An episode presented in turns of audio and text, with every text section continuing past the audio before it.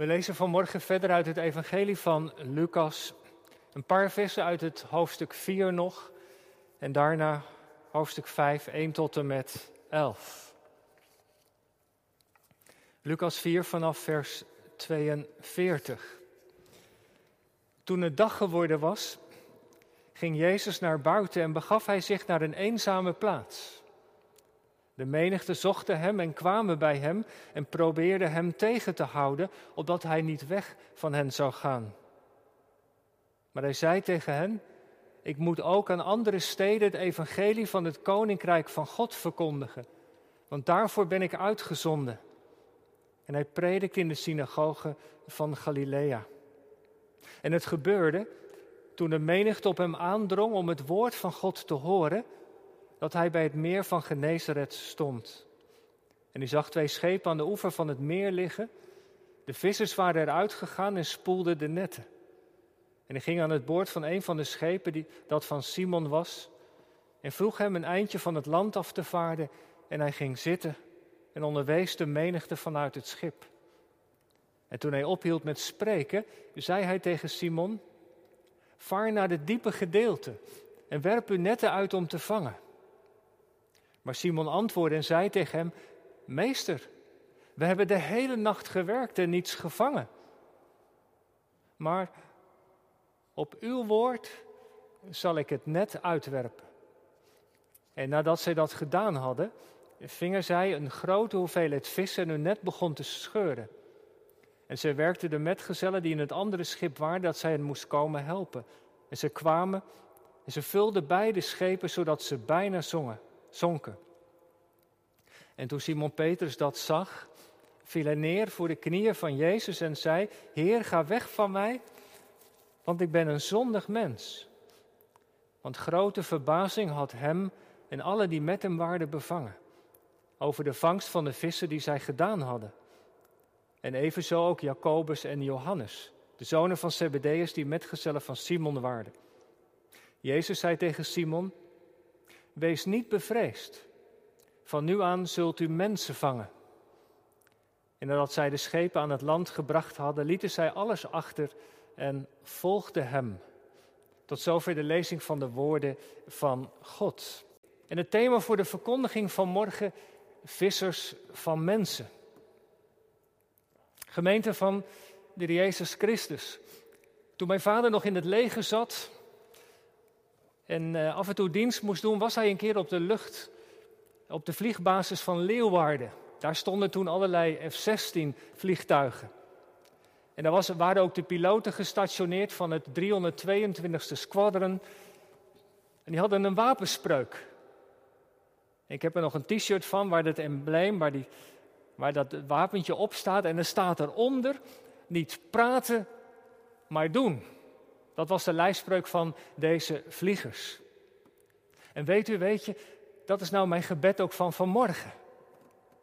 Dat we niet alleen maar over Gods woord praten, maar dat we het ook zullen doen. Vissers van mensen.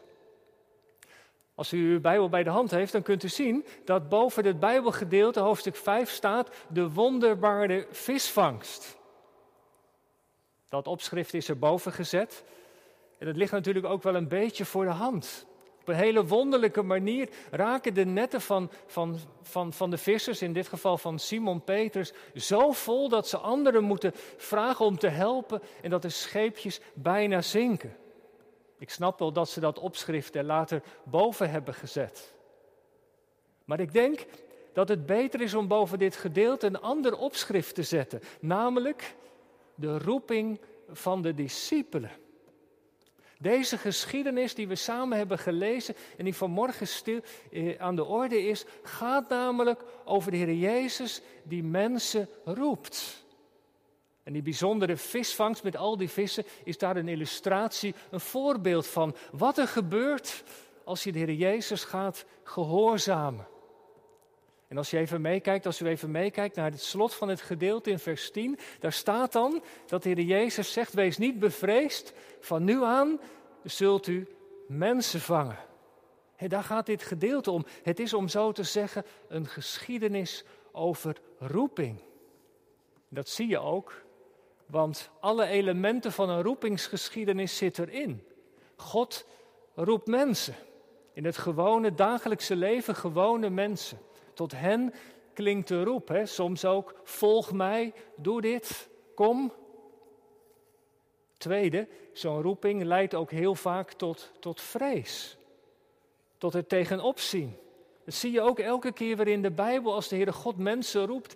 Denk maar aan, aan Mozes, of Jezaja, of Jeremia, Johannes. Als God iets van mensen vraagt, is er ook altijd een besef van wie ben ik? Van onwaardigheid, kan ik dat wel? Mag ik dat wel doen? Ook in dit gedeelte. En als derde is er ook altijd een bemoediging. Dat God zegt, ga maar. Ik ben met je. Roeping, tegenwerping en bemoediging. Nou, die elementen zitten ook in dit Bijbelgedeelte waar we nu bij stilstaan. En dat betekent dat we dat dus ook zo moeten lezen vanmorgen. In die wonderlijke visvangst, in wat daar gebeurt aan de oever, daar leren we belangrijke dingen over roeping. En dat geldt niet alleen, dat geldt niet alleen voor de discipelen toen op dat moment, maar, maar Lucas heeft het ons verteld omdat het voor ons ook belangrijk is. Wie we ook zijn, oud, ouder, jong, wat we ook hebben gedaan in ons leven, wat we ook doen, wij zijn allemaal geroepen. Natuurlijk allereerst om in de Jezus te geloven, maar ook om Hem te helpen, te dienen. In het doorgeven van het Evangelie. En zo gaan we vanmorgen luisteren. Wat zegt de Heere God tegen ons vanuit dit Bijbelgedeelte? Ik heb vier punten in de preek. De aanleiding, de nood. Twee, de roeping. Drie, de tegenwerping. En vier, de belofte. Als u of jij meeschrijft thuis, dan kun je de preek wat beter volgen. Het eerste punt, de aanleiding. Waar begint alles mee? Nou, net voorafgaand aan de roeping die in hoofdstuk 5 wordt beschreven, hebben we een paar versen gelezen uit hoofdstuk 4. Juist die woorden waar de Jezus zegt in vers 43. Ik moet ook aan andere steden het evangelie verkondigen. Het evangelie van het koninkrijk van God, want daarvoor ben ik uitgezonden. Heer Jezus was van, van, van Nazareth naar Capernaum gegaan. Hij had daar een man van, op Sabbat van onreine geest bevrijd.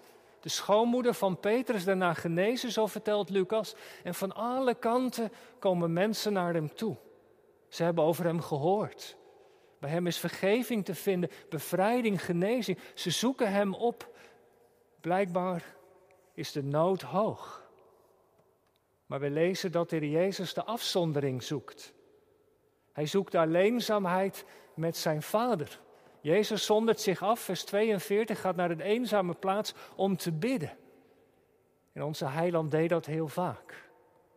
Hij zocht het contact met zijn hemelse vader en dan in gebed ontvangt hij duidelijkheid en richting. De Jezus een hele nacht in gebed en dan begint hij de volgende morgen allerlei discipelen te roepen. Of zoals ook hier in het gebed met zijn vader heeft zijn vader hem richting gegeven. Hij zegt, ik moet ook naar andere steden. Om het evangelie te verkondigen. Er is een wereld nog te winnen. En dat zien we vaker dat het gebed richting geeft. En lieve broeders en zusters, dat is bij ons toch eigenlijk ook zo vaak het geval. Als we het contact zoeken met de Heer, als we gaan bidden, en we echt ook bereid zijn om ons leven in zijn hand te leggen of om de richting van hem te zoeken. En zoals Psalm 25 zegt, Heer, maak mij uw weg bekend. Hoe vaak gebeurt het dan ook niet dat de Heer richting geeft? Want niemand die hem zoekt, laat hij in de kou staan. De Jezus ontvangt richting.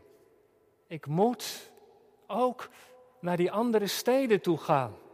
Er zijn zoveel mensen nog te winnen met het evangelie.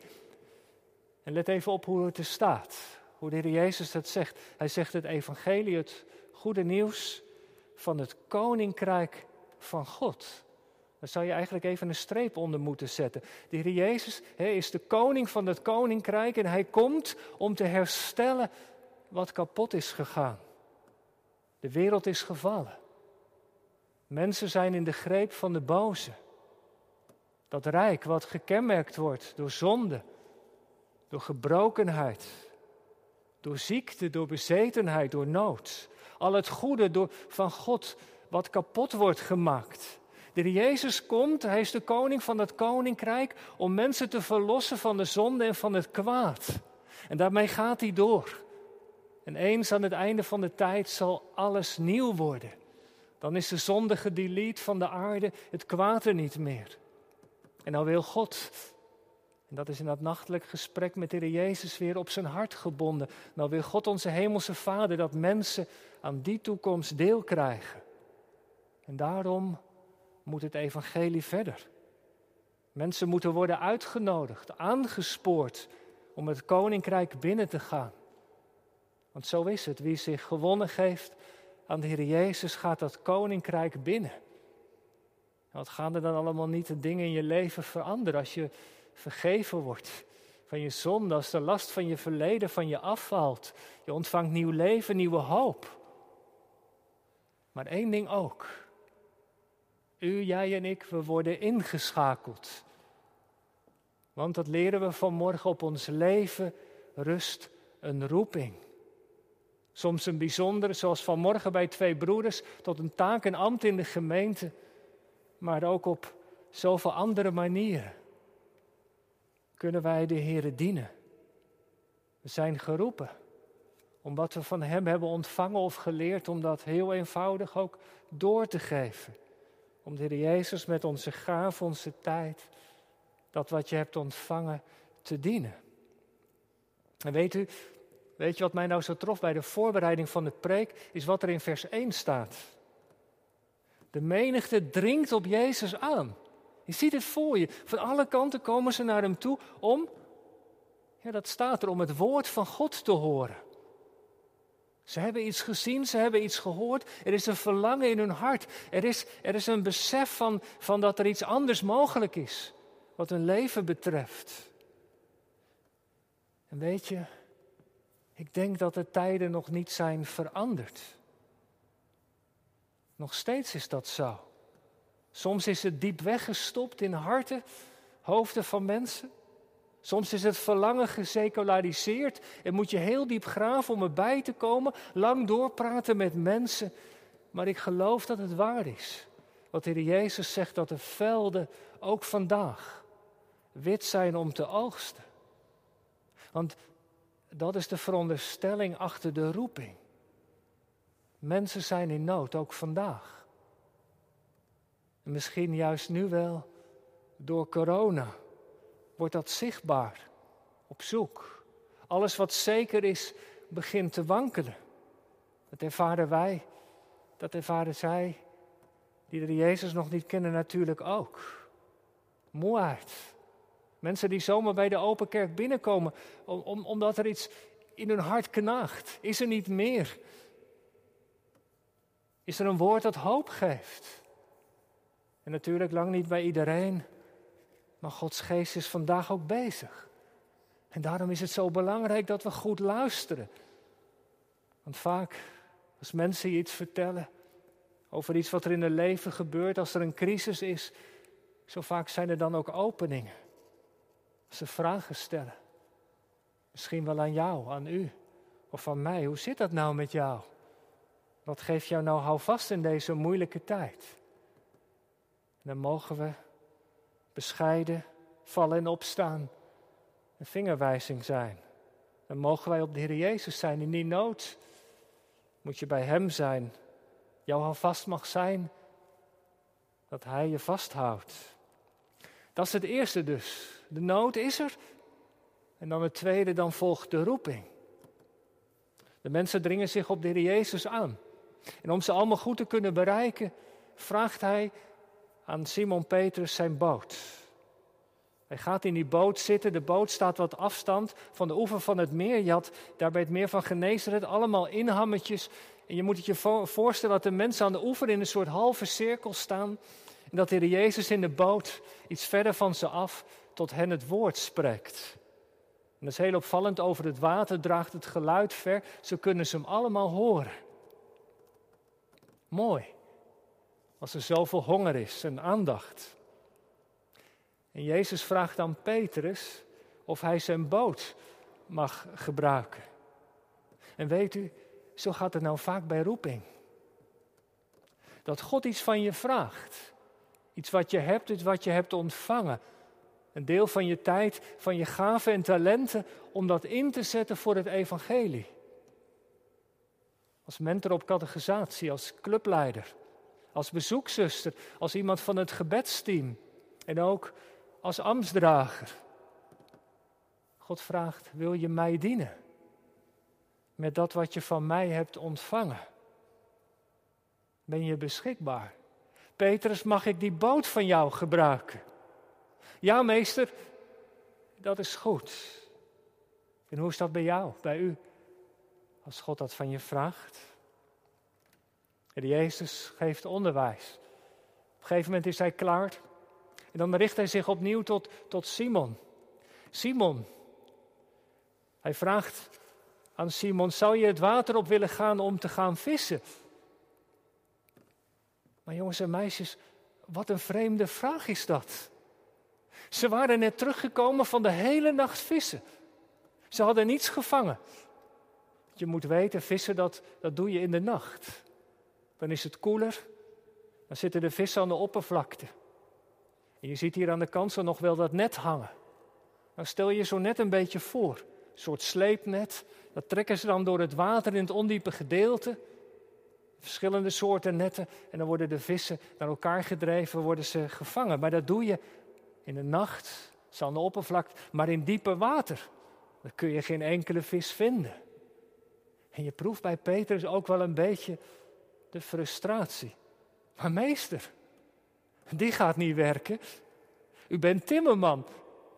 Maar wij weten dat je overdag niet veel vangt. Het is een vreemd bevel van Jezus. Vaar naar de diepe gedeelte en werp je netten daaruit, Petrus.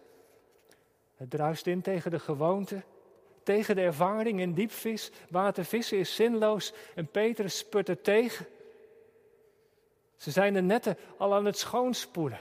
De nacht is al voorbij. En toch, toch blijft dat woord van Jezus haken. Petrus komt er niet los van. Jezus staat daar. En hij vraagt dit van hem. De meester is daar en hij roept u. En Petrus geeft zich gewonnen. Zo mooi. Maar, hij zet zijn ja maar aan de kant. Maar op uw woord zal ik het uitwerpen. En het enige argument, de enige motivatie die Petrus heeft, is dat wat Jezus tegen hem zegt. Meer heeft hij niet, om zo te zeggen, in handen. Maar dat is nou kenmerkend voor geloof. Het wagen met het woord van de Heer Jezus. En dat woord gehoorzamen, ook als je er nog niets van ziet. Zelfs als je er geen geloof aan hecht. Want zo vaak worden Gods daden pas achteraf gezien. Het water van de zee wijkt pas zodra de eerste stap wordt gezet. In gehoorzaamheid. En ik stel me zomaar voor, jongens en meisjes, dat de collega's van Petrus hem ook wel een beetje voor gek verklaarden. Petrus, je hebt de hele nacht gevist en ik ga je weer op uit? Nee joh, dat moet je niet doen. Let maar op wat we zeggen, je gaat niks vangen. Maar Petrus durft het met het woord van de Heer Jezus te wagen. En ik dacht, dat is nou zo belangrijk. Daar mogen we vanmorgen wel een dikke streep onder zetten, want God kan ons in een bepaalde situatie ook iets van ons vragen. Om iemand te bellen, om bij iemand op bezoek te gaan, naar iemand om te zien. Een gebed, een telefoontje, een kaartje, een taak, een ambt. En je denkt, ja maar, ga tegen je gevoel in, kan ik dat wel? De opdracht lijkt misschien zinloos. Dat zie je hier ook. Overdag vissen in dieper water, dat gaat niet lukken. Maar in de gehoorzaamheid zit de zegen. Dat is het punt. Het woord van Jezus. In het Griek staat hier het woordje rema. Dat is het gesproken woord. In vers 1 staat dat de Heer Jezus onderwijs geeft over het woord van God. In het Grieks staat daar logos. Het onderwijs is de basis. De Bijbel, dat is het logos, het woord van God. En het is belangrijk dat we daar veel in lezen, dat we daarmee bezig zijn. En wie geworteld is in het woord, denk wel dat je dat begrijpt, hè, wie dat woord tot zijn fundament heeft, die leert ook het rema van Jezus verstaan. Zijn dagelijkse leiding, zijn spreken in ons hart. Zomaar. Een innerlijke drang om iemand op te zoeken, om iemand even te bellen. In een gesprek zomaar een gedachte aan een Bijbelwoord, wat je dan samen gaat lezen of wat je aan iemand doorgeeft. Op zoveel manieren kan dat rema van God naar ons toe komen. Soms tegen je gevoel in. Ja, maar Heer, ik heb nu geen tijd. Het regent buiten. Ik heb nog zoveel dingen te doen. En misschien, ach, zijn er daar de jamaars. Gaat het tegen je gevoel in, anders dan je dacht. Maar als je meebeweegt in het woord was van God, dan zul je zien. Dan is er zegen. En zo ook hier. De vangst is overvloedig. Ja, dat is dus ook het geheim. Als de Heer Jezus in jouw levensboot komt, in je dagelijkse activiteiten, als Hij daarin mag komen, dan verandert alles. Mag ik in jouw beroep komen? In je huiskamer, in je studentenhuis? En als je met de Heer Jezus in zee gaat, gaan zoveel dingen veranderen. Als vader zoon aan boord is, kunnen er wonderen gebeuren. Zozeer dat Petrus het niet aan kan. Hij moet zelfs zijn metgezel om hulp vragen. Ik vond dat ook een mooi detail. Andere mensen worden ingeschakeld, ze, ze helpen mee. Gemeente zijn, dat is samen. Samen sta je sterk. In de dienst van God. Op uw woord zal ik het net uitwerpen. Gemeente, is dat voor ons allemaal niet van belang? Bij alles wat we doen. Bij de taak die we hebben in de kring van de gemeente, of daarbuiten in de stad, in het vrijwilligerswerk. Dat we biddend zoeken naar wat God van ons vraagt. Beschikbaar. Maar als de Heere God dan iets duidelijk maakt, vanuit het woord op ons hart, dat we dan ook zullen gehoorzamen, niet praten, erover praten, maar dat we het ook doen. Want weet u, dat is de manier waarop Christus ons leven regeert. Zal er altijd zo'n overvloedige oogst zijn? Zo'n overvloedige vangst? Zit het net altijd vol? Nee, dat is niet altijd het geval. Zeker niet als het om vissen van mensen gaat, dat kun je wel voorstellen. Als je terugdenkt aan de gesprekken die je hebt gehad, wat kunnen ze soms weer barstig zijn? Soms ook aan de oppervlakte blijven. Hele avond je iemand gesproken of meerdere mensen, soms ook teleurstellend. Wat haalt het uit, denk je soms. Als je na zoveel aankloppen weer voor een dichte deur staat, als ambtsdrager. Als je zoveel investeert in een van de jongeren en, en toch raakt hij of zij buiten beeld. Wie herkent dat niet, de ontmoediging. Maar vanmorgen onderstreept de Heer één ding. Dat het gaat om gehoorzaamheid op uw woord zullen we het net uitwerpen. En God draagt zorg voor de rest. In dat vertrouwen mogen we gehoorzamen. En dan het derde punt, de tegenwerping. Wat een bijzondere reactie van Petrus, vindt u niet? Ga uit van mij, Heer Jezus. Als dan die netten vol zit en die boten dreigen te zinken, ga uit van mij. Want ik ben een zondig mens. Ik weet niet hoe dat bij u is, maar je zou natuurlijk wel iets anders verwachten. Wauw, Heer, wat een overvloedige oogst. Dan zou er vreugde toch zijn bij Petrus. Wat een vreemde reactie. Maar weet u, weet je, Petrus krijgt hier een indruk van wie Jezus werkelijk is. Een indruk van de macht en de majesteit. Jezus hoeft maar één woord te spreken. Deze dingen gebeuren. En Petrus had geen enkele verwachting van de timmerman. Maar hier wordt hij op zijn nummer gezet. Ondanks Peters ongenoegen is er zegen. Ondanks zijn houding neemt God hem in dienst. En Petrus beseft iets van de majesteit van God. En ook dat hij het niet verdiende om die zegen te ontvangen. En dat is elke keer weer in de Bijbel het geval. Als God mensen roept, is er altijd ook dat besef, maar, maar wie ben ik, heren? Ik ben ook maar een mens.